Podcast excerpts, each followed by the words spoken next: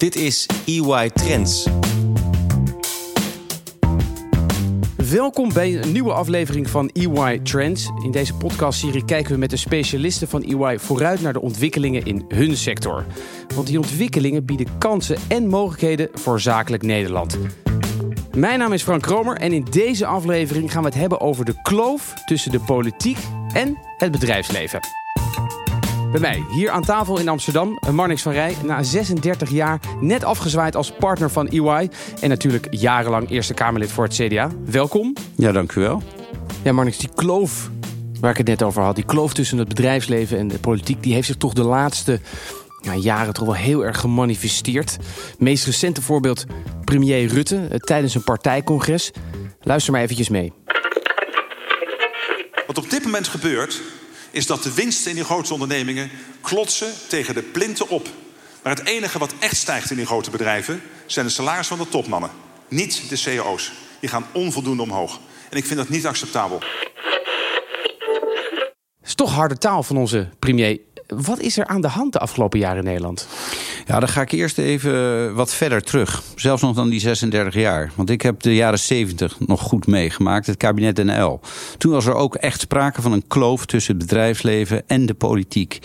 Het kabinet NL was het kabinet uh, van uh, de PvdA-voorman. En twee voorlopers van het CDA, KVP en ARP. En dat was na de jaren 60, toen de maatschappij op zijn kop stond. En je zag toen dat het bedrijfsleven heel ver was afgedreven eigenlijk van wat de politiek op dat moment belangrijk vond. Uh, maatschappijhervorming, uh, spreiding van kennis, macht en inkomen. Dat was de leus van het kabinet uh, Den L. En op een bepaald moment ging het zelfs zo ver dat de top van het Nederlandse bedrijfsleven, de CEO's toen van de Nederlandse multinationals, belet vroegen in het torentje bij Den L en zeiden: Als je nou doorgaat zoals je nu doorgaat, dan vertrekken wij. Wat ik ermee wil zeggen is. Uh, dat was een hele grote kloof. Overigens, ze zijn niet vertrokken. Het is daarna weer hersteld. Maar nu zitten we inderdaad weer in een fase waarin uh, de politiek toch over heel veel dingen anders denkt. En de politiek is natuurlijk een reflectie van wat er in de samenleving gedacht wordt. En hoe het bedrijfsleven daarin staat en op reageert. Uh, dus je zou kunnen zeggen, het zijn cycli. U zit eigenlijk met één been in het bedrijfsleven en één been in de politiek. Jarenlang Eerste Kamerlid geweest, partijvoorzitter geweest van het CDA. Hoe heeft u die, dat zien ontwikkelen, die twee stromingen, de politiek en het bedrijfsleven? En, en, en hoe zijn die een beetje uit elkaar gegroeid? Nou, we hebben het net even gehad over de jaren 70. Toen kreeg je daarna een consolidatie in de politiek. Uh, je had eigenlijk drie uh, grote stromingen eigenlijk al twee. De christendemocratie, waar ik toe behoor. Het, dus de vorming van het CDA vormde een consolidatie in de politiek. Hè. Ruud Lubbers, 54 zetels. Daarnaast had je de Partij van de Arbeid bijna even groot. Dat waren de grote tegenpolen, zeg maar. En dan had je de VVD. VVD kwam in de jaren 90 uh, ook fors terug. Dus je kan zeggen drie grote partijen. Dat was voor het bedrijfsleven overzichtelijk. Die hadden dus eigenlijk te maken met drie behoorlijk stabiele politieke bewegingen. Daar is vanaf 1994 is, daar, is, daar, is dat gaan veranderen. Een grote verkiezingsnederlaag 1994, 25 jaar geleden. Uh, CDA 20 zetels uh, verloren. Partij van de Arbeid 15 zetels verloren. Het premierschap van Ruud Lubbers eindigt met de grootste verkiezingsnederlaag van het CDA tot dan toe. Na twaalf jaar aan de macht verlaat hij de Trevenzaal. Het hart van de Nederlandse regering. En vanaf dat moment is er een beweging gekomen waarbij je eigenlijk ziet dat er uh, die grote partijen steeds kleiner werden. Er meer partijen bij kwamen, fragmentatie en aan de andere kant ook polarisatie. En dat maakt het lastig voor het bedrijfsleven om zeg maar de gesprekspartners te blijven vinden. Aan de andere kant zie je ook dat het bedrijfsleven heel erg is gaan internationaliseren. Uh, de multinationals die steeds meer multinationaal zijn gaan opereren. En de omvang van sommige multinationals zijn zo groot dat ze uh, qua marktkapitalisatie bij elkaar opgeteld bijna net zoveel zijn als ons bruto nationaal product, de, de grote. Je ziet ook, zeg maar, daar waar de gehechtheid vroeger was met Nederland, dat veel minder is. Als je naar de aandeelhouders kijkt van de grote Nederlandse beursfondsen, verreweg de grootste meerderheid van die aandeelhouders zit in het buitenland. Je ziet dat inmiddels ook gereflecteerd in de raden van bestuur. Uh, dus die verwijdering die wordt groter. Daarnaast zie je ook dat de NGO's natuurlijk een hele belangrijke rol vervullen in het maatschappelijk agenderen van uh, één issue. En dat kan milieu zijn, uh, recent ook belastingen. En, en belastingpolitiek. dat kan kinderarbeid zijn. En uh, daar heeft een multinational uh, niet altijd even goed een antwoord op in de nationale context. Omdat ze vaak ja, wereldwijd spelen.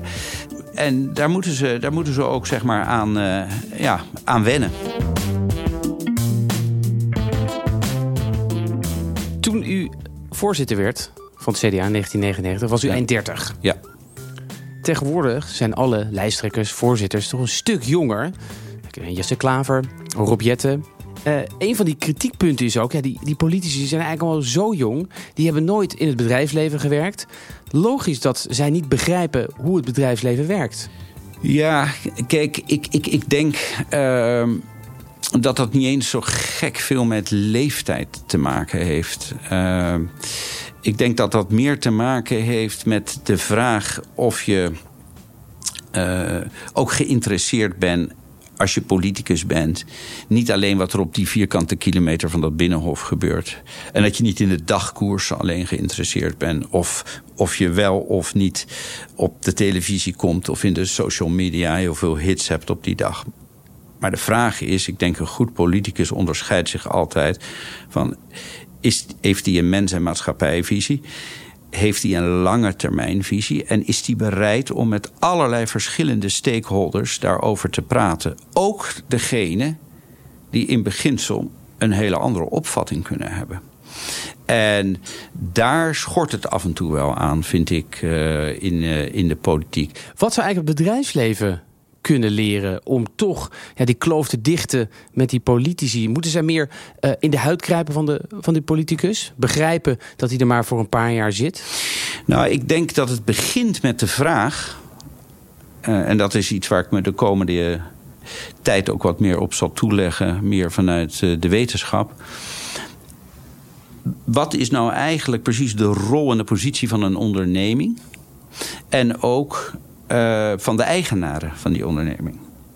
Is dat, even, even zwart-wit gezegd, is dat puur winstmaximalisatie?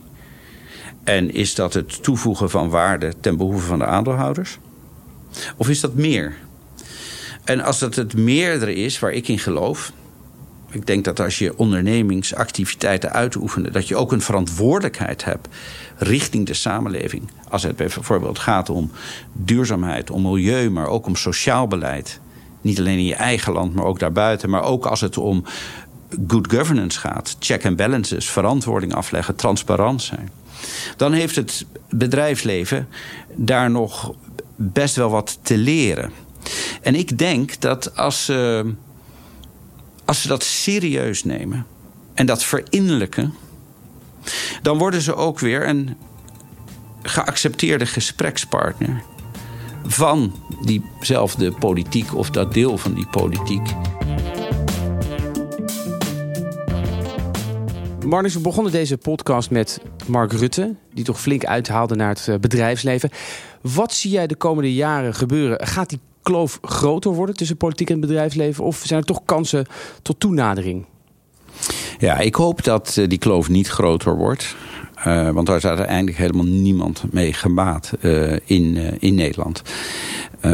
wat ik zelf als positieve ontwikkelingen zie...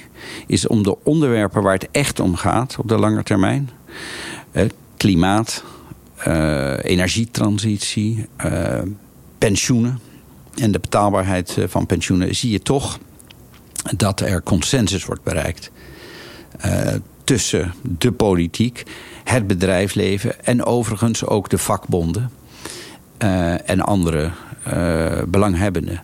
Dat is heel belangrijk. En Nederland, hoe je het went of keert, is een land van minderheden. Altijd geweest. Die minderheden wisselen natuurlijk wel qua samenstelling en qua achtergrond. Maar we komen er alleen maar uit als we consensus bereiken. Uh, nou, voor een je hebt er twee nodig voor een, uh, voor een, voor een tango. Two for a tango. Dus zowel het bedrijfsleven zelf uh, zal, zal toch bepaald gedrag en een bepaalde cultuur moeten veranderen. Om aansluiting te blijven vinden bij die samenleving. Wat is die cultuur dan? Nou, kijk, de cultuur is er vaak één. Ik ben bijvoorbeeld zelf voorzitter van de Nederlandse Orde van Belastingadviseurs geweest. Ik weet nog heel goed dat toen uh, in 2012 het uh, toenmalige jonge Kamerlid uh, Jesse Klaver een motie indiende die met een, een hele grote meerderheid kreeg, waarbij de Nederlandse regering werd opgeroepen om belastingontwijking via Nederland tegen te gaan, dat mijn beroepsgroep zeer verontwaardigd was. Van hij begrijpt er niks van. Uh, van Rij, ga de televisie op en leg het hem eens even één keer goed uit hoe het zit. Toen zei ik, nee, dat ga ik niet doen. Uh, niet omdat hij niet de televisie op durft te gaan. Maar hij is politicus, hij maakt hier een punt.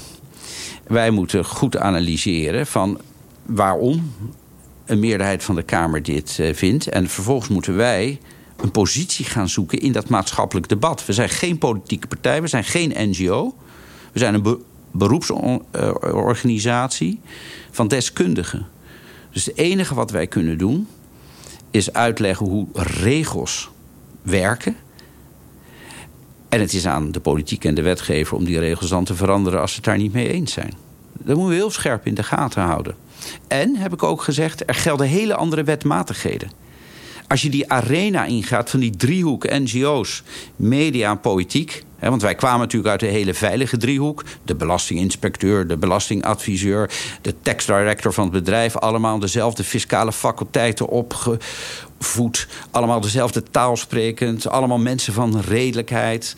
Eerst goed scherp de feiten in beeld brengen, dan de probleemstelling en dan de mogelijke oplossing. Zo gaat dat niet in een maatschappelijk debat dat is uh, artistiek straatvechten.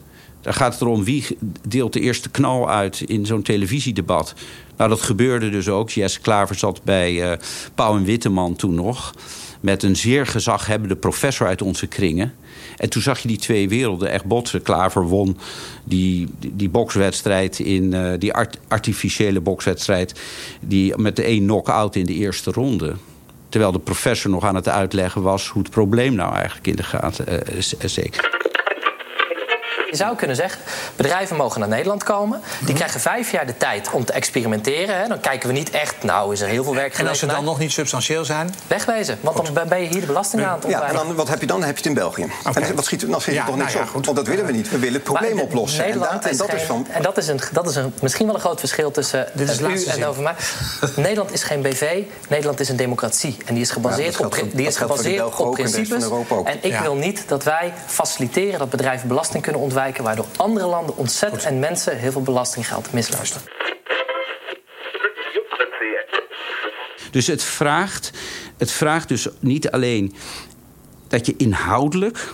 Maar het vraagt ook dat je goed weet waarom de ander communiceert zoals die communiceert. En dat is iets wat je in de politiek leert. Dat heb ik in de gemeenteraad al geleerd.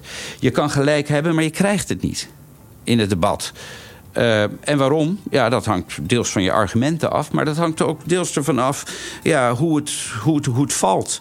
Uh, en hoe soms de woorden gezegd worden. En de beelden die gebruikt worden. Vind ik er mooi om mee te eindigen. Je kunt wel gelijk hebben, maar gelijk krijgen, dat is wat anders.